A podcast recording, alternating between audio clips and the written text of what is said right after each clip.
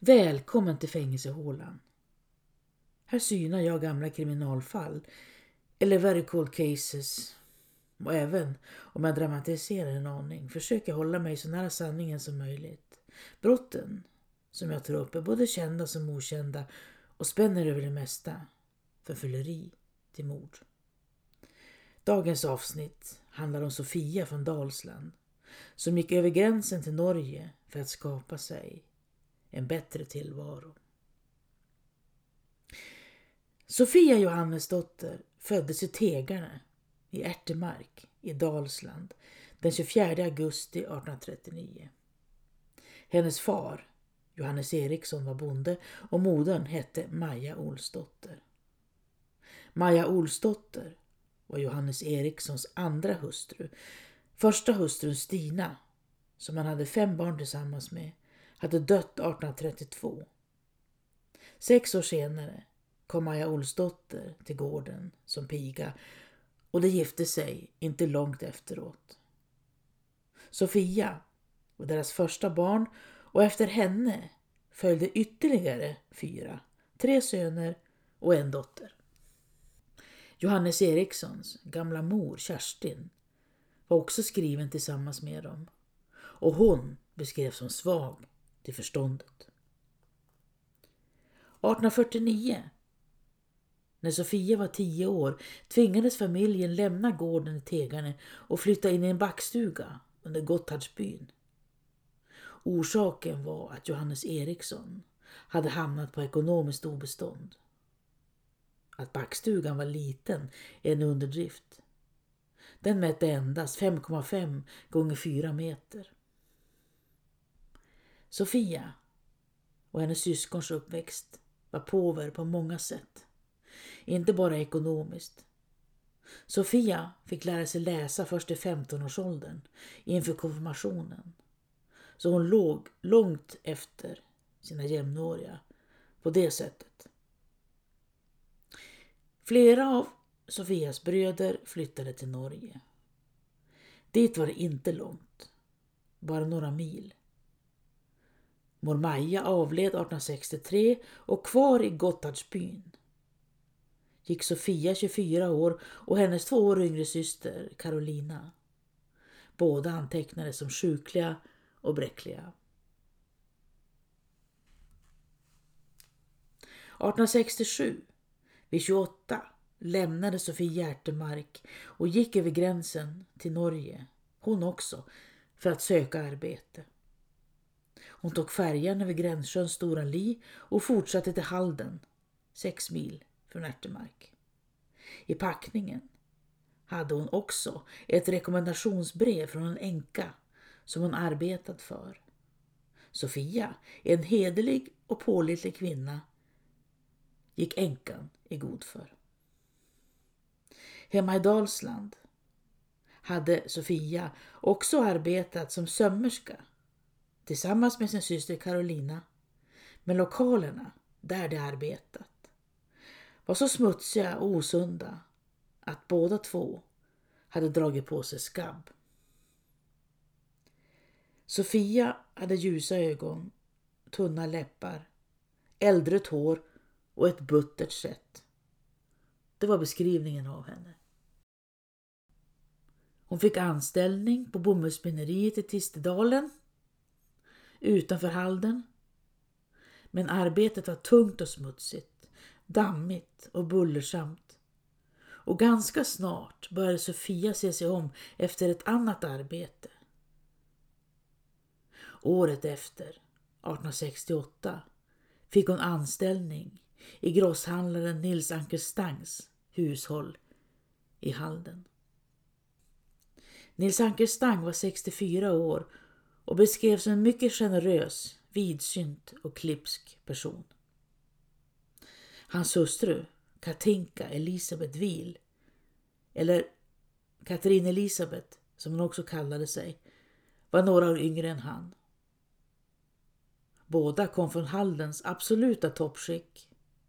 Nils Anker Stang var son till en köpman och godsägare. Och Katinka Wil var dotter till ett kommerseråd. De hade fyra barn. äldst av Valborg som var gift med en skeppsredare och yngst var Kristin som var 16 år när Sofia Johannesdotter kom till Stangården. Sofia, som delvis vuxit upp i en backstuga om 5,5 gånger 4 meter måste ha blivit alldeles överväldigad när hon steg in i familjen Ankerstangs hem. Här skulle hon, fattigflickan från Dalsland, arbeta och tillbringa sina dagar. Kontrasterna mot hennes uppväxt var påfallande smärtsamma.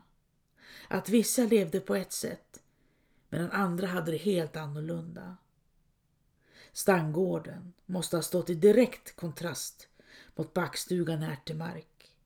Här var det rymligt ljust och påkostat och i backstugan var det trångt, smutsigt och påvert. Det beslutades att Sofia skulle ändra sitt namn till det mer norskklingande Sofie. Hon hade kommit till ett stort hushåll med många anställda. Men det dröjde inte länge för det skar sig mellan henne och några av arbetskamraterna. Det fanns till och med det som påstods att en del som arbetat i Anke Stangs hushåll sa upp sig på grund av Sofie eller på grund av hennes uppförande eftersom de kommit på henne med att stjäla från hushållet vid flera tillfällen och att de baktalade sina arbetskamrater inför herrskapet för att vinna egna fördelar. Nils Ankerstang och hans hustru Katinka hade olika uppfattningar om den nya pigan Sofie. Fru Katinka var flera gånger på vippen att avskeda henne eftersom hon i det närmaste ertappat henne på bar gärning med att stjäla. Medan Nils Ankerstang och yngsta dottern Kristin tyckte bra om Sofie och tog henne i försvar. Under sommaren 1869 blev Sofie speciellt ovän med en av de andra tjänsteflickorna, Maren Johannesdotter. De två delade bostad under familjens vistelse på landet och rök ihop titt som tätt. När hösten kom sa Marit Johannesdotter upp sig.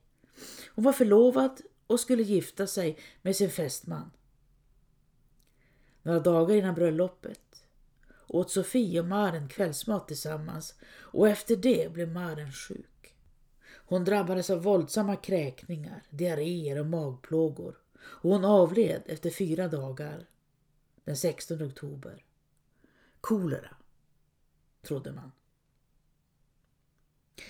Trots motståndet från arbetskamraterna och misstron från frun i huset fortsatte Sofie att arbeta i stangården. Hon var inte omtyckt, varken av fru Katinka eller de andra anställda. Och hennes buttra humör gjorde inte saken bättre. Frun tyckte inte alls om som Sofie. Och Sofie tyckte inte heller alls om frun utan klagade på att de ställde orimliga krav och ska ha sagt. Sådana kärringar borde luddras ihjäl, alltså förgiftas. Den 12 oktober 1872, en lördagkväll, började fru Katinka Vil känna sig sjuk. Läkare tillkallades dagen efter, men hon avfärdade sjukdomen som en bagatell. Sedan tilltog symptomen och hon dog på tisdagen den 15 oktober, 63 år gammal. Och Anke Stang satte in en annons i tidningen där han tackade alla som stöttat familjen under hans hustrus svåra sjukdom. Två år senare avled även Nils Anker Stang. Han hade varit krasslig en tid och på kvällen den 9 december 1874 värmde Sofie Johannesdotter upp en kornsoppa åt honom som han åt till kvällsmat. Under natten blev Nils Anker Stang häftigt sjuk och dagen efter dog han. Själv trodde han att han förkylt sig ute i det kalla vintervädret. Sofie tog Nils Anker Stangs död hårt. Hon besökte ofta graven och sa att hon vaktade över honom.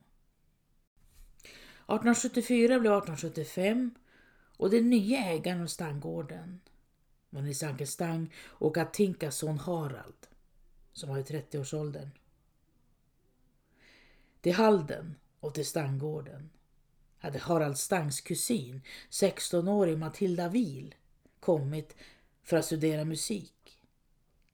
Och under tiden var hon inackorderad i familjen. I januari drabbades Matilda av influensa och Sofie blev tillsagd att sköta om henne. Matilde var ständigt törstig och Sofie gav henne saft att dricka. Även Matilde blev sjuk. Med magont och hon kräktes upp apelsinbitar med grön beläggning. Hon dog inte.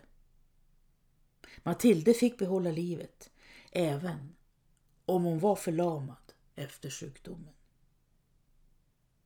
Ytterligare en månad senare, på kvällen den 10 februari, började det brinna i stangården. Tjock brandrök vällde ut och grannar strömmade till och lyckades bära ut 16-årige Matilde Wil. Rykten hade länge surrat om Sofie Johannesdotter. Men nu var det mer envisa än någonsin. Och Sofie Johannesdotter kallades för kammarjungfrun från helvetet. Flera av tjänstefolket i stangården hade sett Sofie gå upp på vinden med ett ljus i handen en stund innan det började brinna.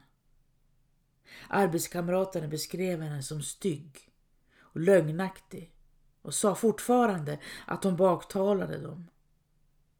Hushållerskan berättade att Sofie gömde undan allehanda ting som hon stulit och istället för att hjälpa Matilde ut ur huset, hon som inte kunde gå, hade hon släpat bort en stor kommod till grannarna.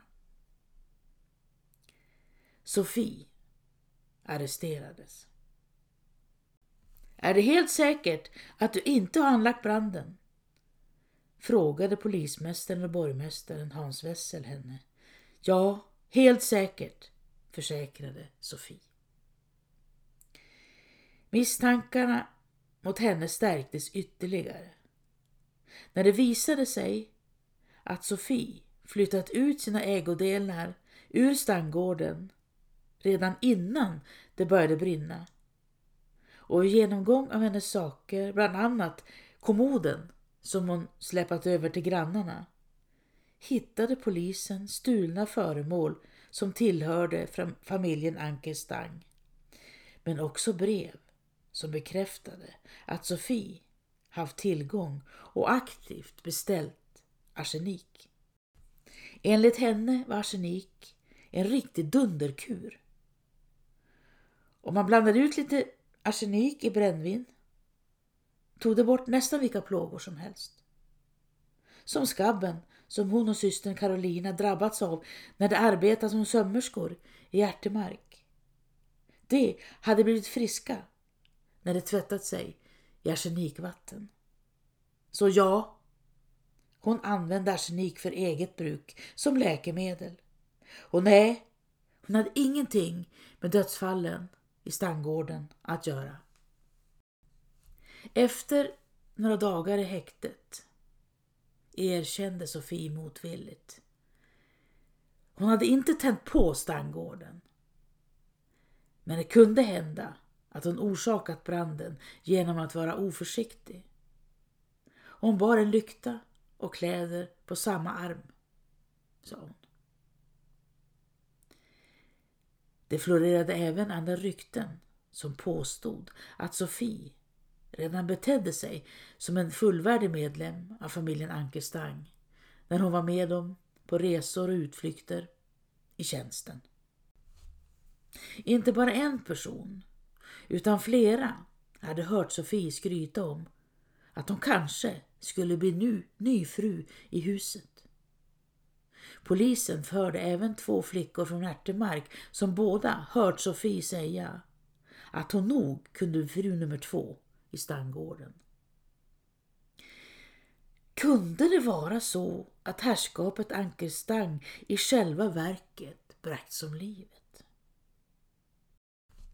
Och hade det inte haft en kammarjungfru som dött under liknande omständigheter? Den 18 mars 1875 skrev Norrköpings tidningar att Sofie Johannesdotter gjort vissa medgivanden. Hon hade fått två leveranser arsenik från Sverige. Den första var innan Katinka Wils död och den andra leveransen var strax innan Nils Ankerstang avled. Den 23 mars 1875 grävdes gravarna upp. Nils Anker Stang, fru Katinka och kammarjungfrun Maren obducerades och man hittade spår av arsenik i deras kroppar. Sofie, som alltjämt satt i häktet, hämtades och fördes till sjukhuset där hon ställdes inför faktum. Det beskrevs Är det här ditt verk Sofie? Ska polismästaren ha sagt med dånande stämma och dragit bort lakanen från liken. Sofie grät och kräktes. Rättsläkaren förklarade och Sofie föll till föga och erkände.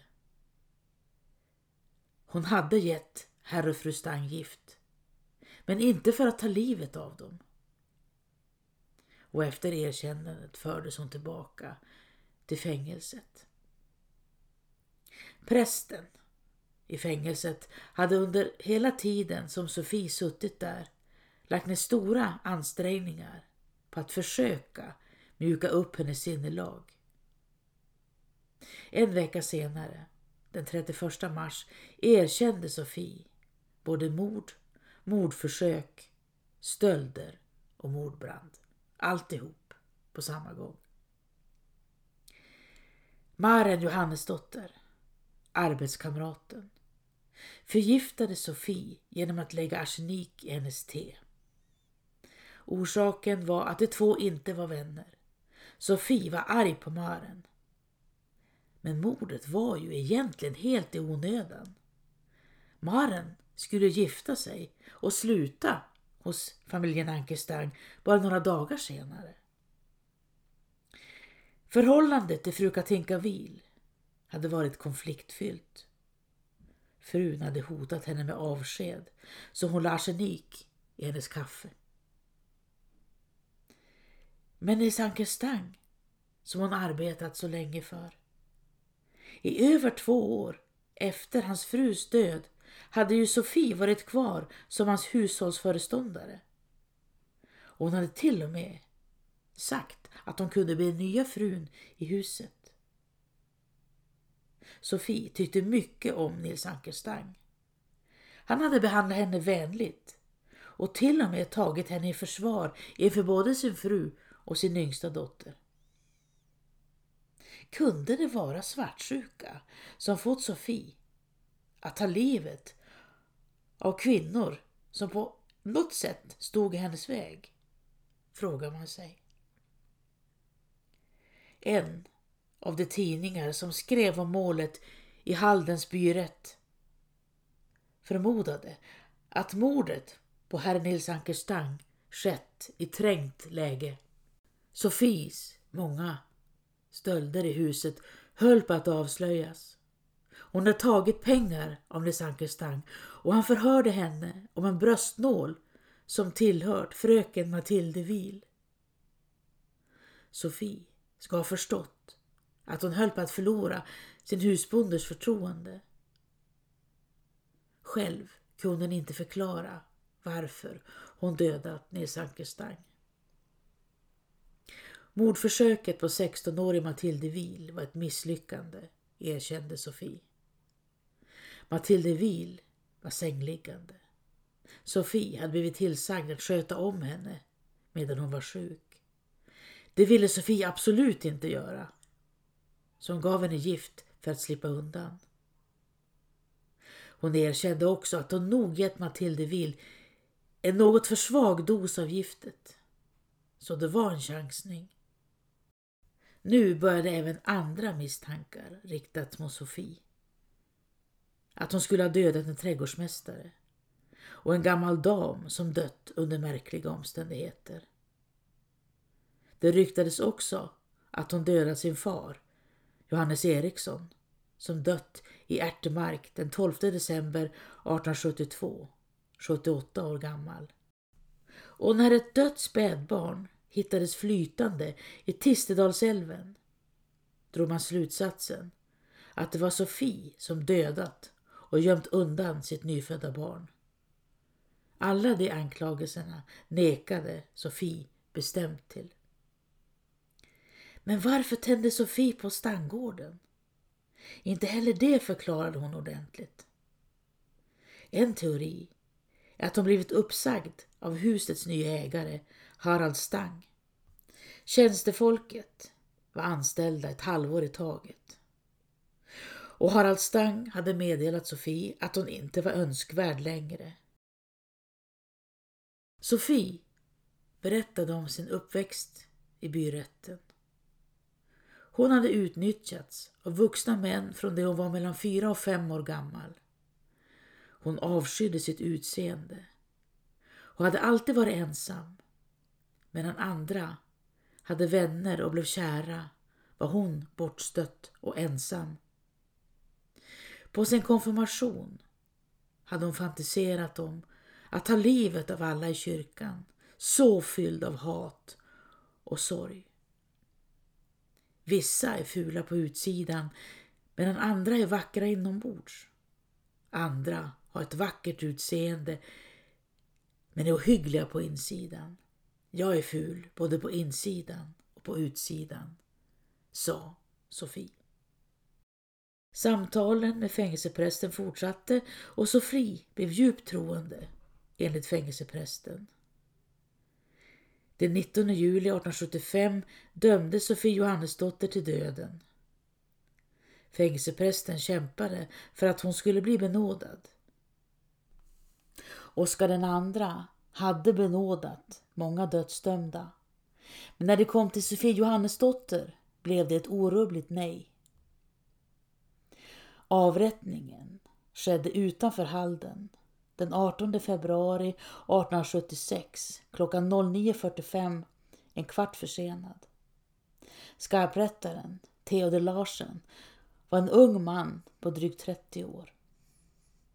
Över 3000 människor stod och väntade i det kalla vädret. Vissa hade väntat länge och började bli griniga. Om Sofie var kammarjungfrun från helvetet hade hon också vuxit upp i helvetet. Hon avskydde sitt utseende. Men i första hand avskydde hon sig själv. När hon kom till Nils Ankerstangs hushåll resonerade hon som barnet som snattat en godis på Ica. Ja, men de hade ju så många och jag hade ingen. Beträffande morden handlade det mest om att passera en gräns. Hon hade ju redan under konfirmationen fantiserat om att ta livet av alla i kyrkan. Hon var arg på Maren Johannesdotter och la arsenik i hennes te. Maren blev sjuk och dog. Ingen misstänkte Sofie. Själv kände hon ingenting särskilt. Och sen fortsatte det. Jag tycker det är märkligt att ingen kom på henne tidigare. Att ingen kopplade samman dödsfallen som var så likartade och uppvisade klassiska förgiftningssymptom.